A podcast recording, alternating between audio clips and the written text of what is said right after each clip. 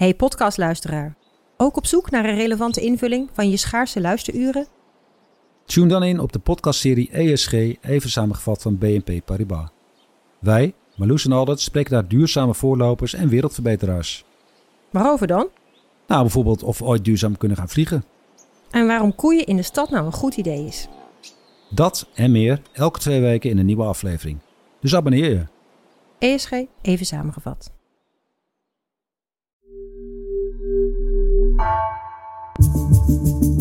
Vanaf de redactie van NRC het verhaal van vandaag. Mijn naam is Floor Boon.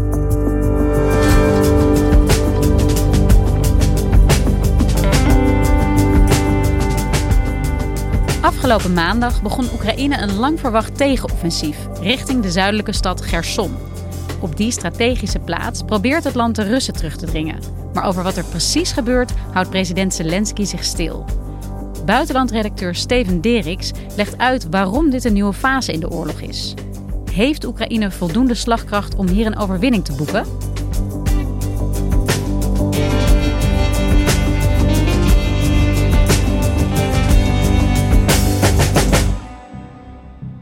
Maandag kwam er een filmpje naar buiten dat leek te zijn gemaakt door een Russische soldaat die plat op zijn buik ligt, wel om hem heen overal wordt geschoten. En die man is duidelijk in paniek. Группой хуярится все, что только можно. Прорвали первую линию обороны. En die roept dat de Oekraïners door de eerste verdedigingslinie zijn gebroken. 29 августа. Раз. En dat filmpje was eh, natuurlijk niet direct te verifiëren. Maar vrij kort daarna eh, zijn uh, Oekraïnse media gaan bellen. en toen vertelde een woordvoerder van het Oekraïnse leger dat inderdaad de opmars van Oekraïnse troepen richting de stad Gerson was begonnen. Now to Ukraine, where Ukrainian forces say they are gaining ground in a new counteroffensive against Russia. De afgelopen weken is er voortdurend gesproken over een Oekraïns offensief in het zuiden. En maandag is dat offensief ook echt begonnen. En wat vooral heel belangrijk is, is dat dit een echt een nieuwe fase is in de oorlog. Ja, Steven, sinds het begin van de oorlog in Oekraïne, van de Russische invasie daar, praat jij ons eigenlijk bij over wat er gebeurt. Je zegt een nieuwe fase in de oorlog. Wat moet ik me daarbij voorstellen? Hoe ziet dat eruit? Als je kijkt naar uh, hoe de oorlog is begonnen, dan is, dan is het conflict totaal veranderd. De eerste fase was natuurlijk dat Rusland geprobeerd heeft om Oekraïne in te nemen. En van verschillende kanten het land is binnengevallen op 24 februari. Is opgerukt tot aan de poorten van Kiev. Maar op een gegeven moment is dat offensief totaal vastgelopen. Dat was te ambitieus. Het land is te groot. Ze hadden te weinig troepen. Oekraïners vochten verbeten terug. En Rusland is toen gedwongen om al die terreinwinsten op te geven. Om zich terug te trekken van, uh, uit de buitenwijken van Kiev. Uh, andere gebieden in het noorden op te geven. Toen is Rusland van tactiek veranderd. Hebben ze ook gezegd, ja, het was ons eigenlijk nooit te doen om Kiev uh, te veroveren. Het gaat ons om de bevrijding van de Donbass. Waar al sinds 2014 wordt gevochten. Toen hebben we gezien dat vanaf april de slag om de Donbass uh, begon. Waarbij Rusland zich veel meer concentreerde op een kleiner gebied. Waardoor uh, het veel meer gevechtskracht kon concentreren. Daar slaagde Rusland erin om langzaam maar zeker Oekraïne terug te drukken.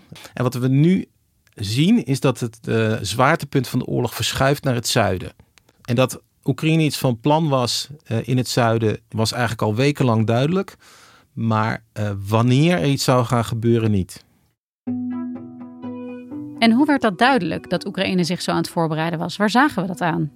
Dit offensief hing heel lang in de lucht, omdat de Oekraïne eigenlijk al uh, enkele weken bezig is met het treffen van voorbereidingen. daarbij moet je denken aan aanvallen met raketten op strategische punten.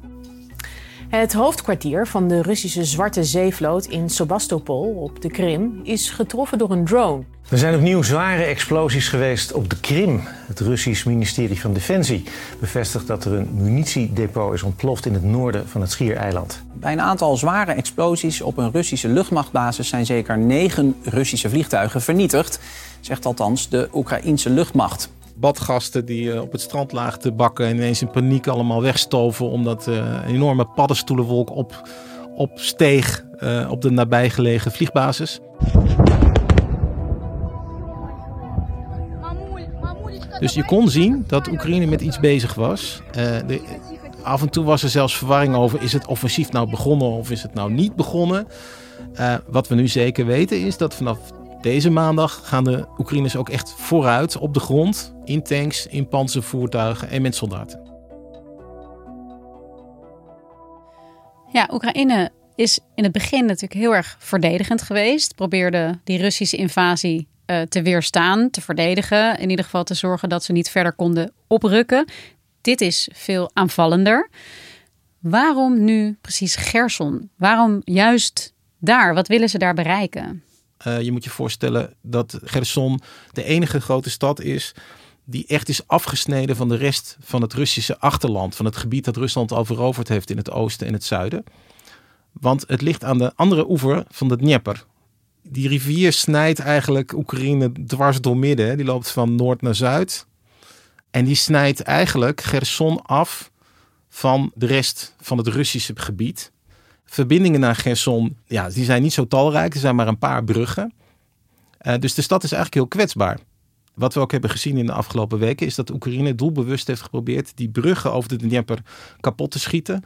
En die bruggen zijn inmiddels eigenlijk onbruikbaar. Dus als die bruggen niet meer bruikbaar zijn, kunnen de Russen geen versterkingen aanvoeren, kunnen ze geen levensmiddelen aanvoeren, kunnen ze geen munitie aanvoeren. En dat is natuurlijk op heel snel een heel groot probleem voor de mensen die als het ware gevangen zitten op de noordelijke oever. Dus de reden dat Oekraïne zijn eerste echte grote tegenoffensief juist hier inzet, heeft veel te maken met de strategische ligging van de stad. En de kwetsbare positie die de Russen daar hebben. Er is heel veel aan wapenleveranties Oekraïne binnengekomen, heel erg veel geld. Zie je dat hier ook terug? Werpt het zijn vruchten af dat ze militair voldoende sterk zijn nu voor dit tegenoffensief? Nou, voldoende sterk zijn ze zeker niet, zeggen ze zelf. Er wordt nog elke dag uh, roept eh, president Zelensky om wapens, wapens en nog meer wapens. En dan gaat het echt om uh, alles wat je maar kan voorstellen. Van uh, tot straaljagers. Tegelijkertijd zien we dat westerse wapens wel degelijk een verschil maken op het slagveld. Dan zit het hem niet eens zozeer in dat het er zoveel zijn, maar vooral omdat ze gewoon veel beter zijn dan Russische wapens. En het belangrijkste voorbeeld daarvan zijn de raketten die worden verschoten met de onderhand beroemde HIMARS-systeem, Amerikaans uh, uh, raketlanceersysteem. M142 HIMARS is een van de meest geavanceerde raketlanceersystemen die de Amerikanen hebben. It's mounted on a truck and can launch multiple precision-guided rockets at the same time. Uh, die raketten zijn precisiegeleid door GPS. Dat wil zeggen dat je de coördinaten intoetst, je schiet ze af en ze uh, eh, 80 kilometer verderop komen ze op 2 meter afstand van het doel af of midden op het doel. En dat is een enorm verschil met uh, de technologie die het Russische leger uh, in huis heeft. En Oekraïne maakt op een buitengewoon succesvolle manier gebruik van deze moderne westerse technologie. Door allerlei strategische doelen van het Russische leger aan te vallen. en Rusland kan er eigenlijk bijna niks tegen doen. Want Rusland heeft dus veel minder precieze wapens en schiet vooral maar ergens op en hoopt dat het dan ook daadwerkelijk vernietigt wat ze willen dat het vernietigt. Ja, was er ook nog een uh, interessante casus wat dat dan gaat. Uh, Oekraïners krijgen inlichtingen van Amerika en de NAVO. Dus Oekraïne weet ook veel beter waar dingen staan en wat ze moeten aanvallen. En je ziet heel vaak in Russische aanvallen dat ze dat niet goed weten. Voorbeeld daarvan is dat is uitgelekt dat de Russen verschillende HIMARS lanceerinstallaties van de Oekraïners hebben aangevallen, maar dat bleken houten dummies te zijn. Dus dan hebben ze een hele dure, een hele dure Iskander uh, ballistische raket van 5 miljoen dollar erop afgeschoten. En dan heb je gewoon een, een, gat in de grond, maar dat, dat was het dan. En worden die dummies daar dan ook echt bewust neergezet Jazeker, als misleiding? Ja, dat is een klassieke krijgslist. Ja.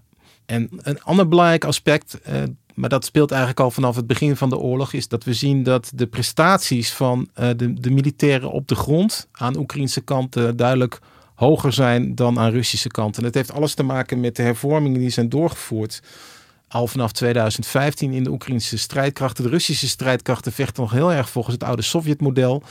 En daar moeten de soldaten gewoon doen wat hen wordt opgedragen. Naar links, naar rechts, schieten, terug.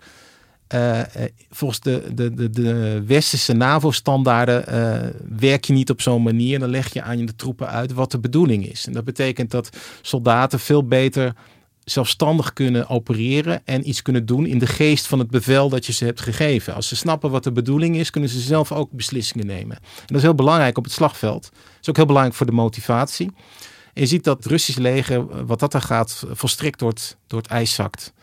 En dat de prestaties op de grond daardoor gewoon veel minder zijn. En wat doet dat met de moraal, bijvoorbeeld van de Russische krijgsmachten?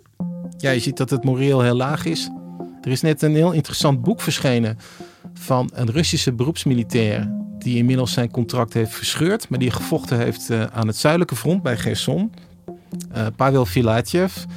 Het is echt een verbijsterend verslag van uh, de, de deplorabele toestand waar het Russische leger in verkeert. En je moet je eigenlijk bedenken dat die Filatjev dat leger een warm hart toedroeg. En hij ook gemotiveerd was om te vechten. Maar als jij ziet wat hij allemaal beschrijft aan eenheden die niet voldoende mensen hebben. De totale chaos. Geen communicatiemiddelen. Niemand weet waar de andere eenheden zijn. Hij is zelf uh, is hij Oekraïne binnengevallen in een oude legertruck waarbij de remmen het niet deden. Hij zat bovenop kisten met mortiergranaten en stuiterde zo Oekraïne in. Ja, het is echt, het is echt één, grote, één grote bende. En dat zorgt er dus voor dat zo iemand als hij eigenlijk denkt van... wat ben ik hier aan het doen? Er wordt voor mijn veiligheid absoluut niet gezorgd en ik stop ermee? Ja, absoluut. We weten ook dat veel Russen eh, tot het moment dat ze de grens overreden... helemaal niet eens wisten wat ze aan het doen waren. Die dachten, ja, het is waarschijnlijk een oefening. Als je aan het front zit, kan je natuurlijk moeilijk terug.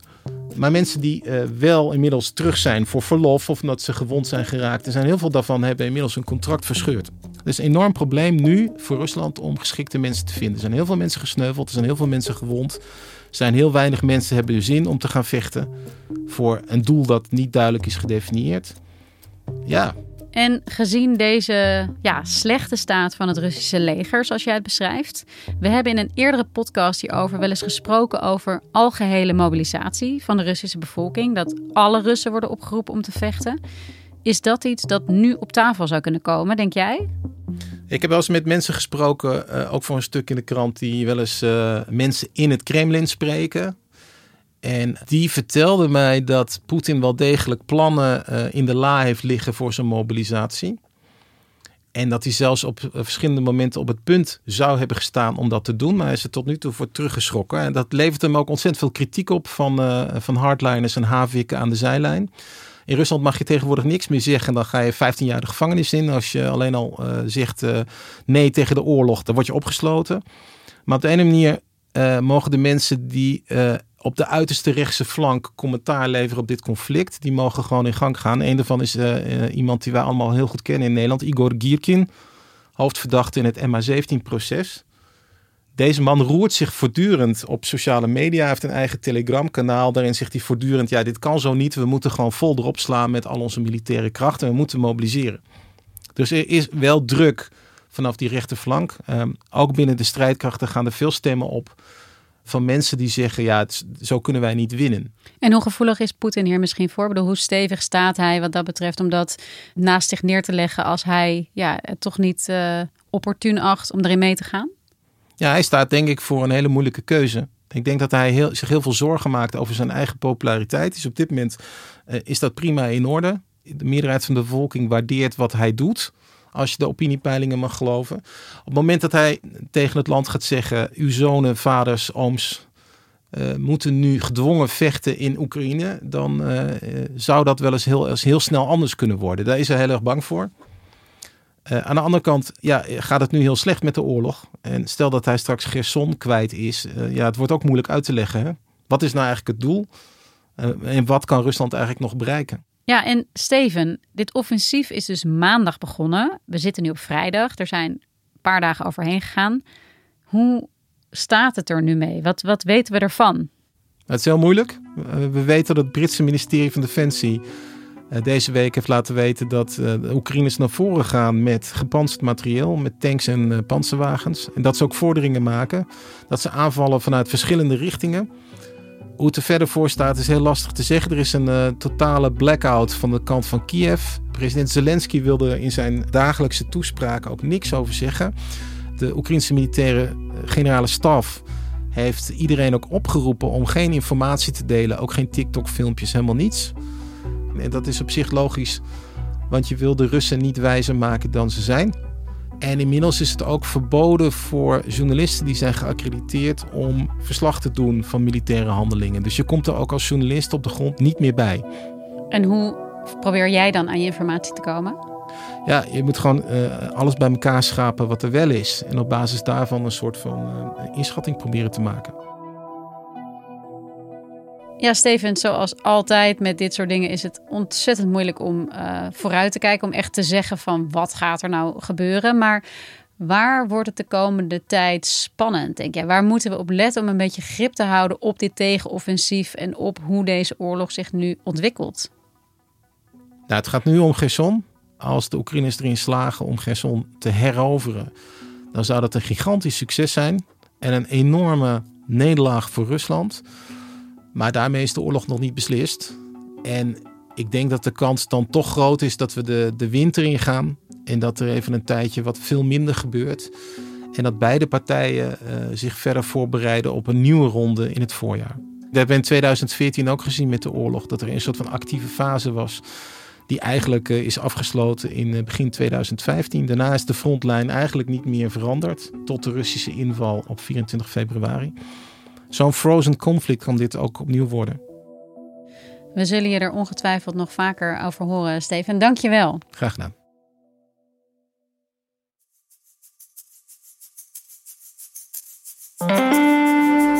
Je luisterde naar vandaag, een podcast van NRC. Eén verhaal, elke dag. Deze aflevering werd gemaakt door Mila Marie Bleeksma, Julia Vier en Jeroen Jaspers. Dit was vandaag. Maandag weer.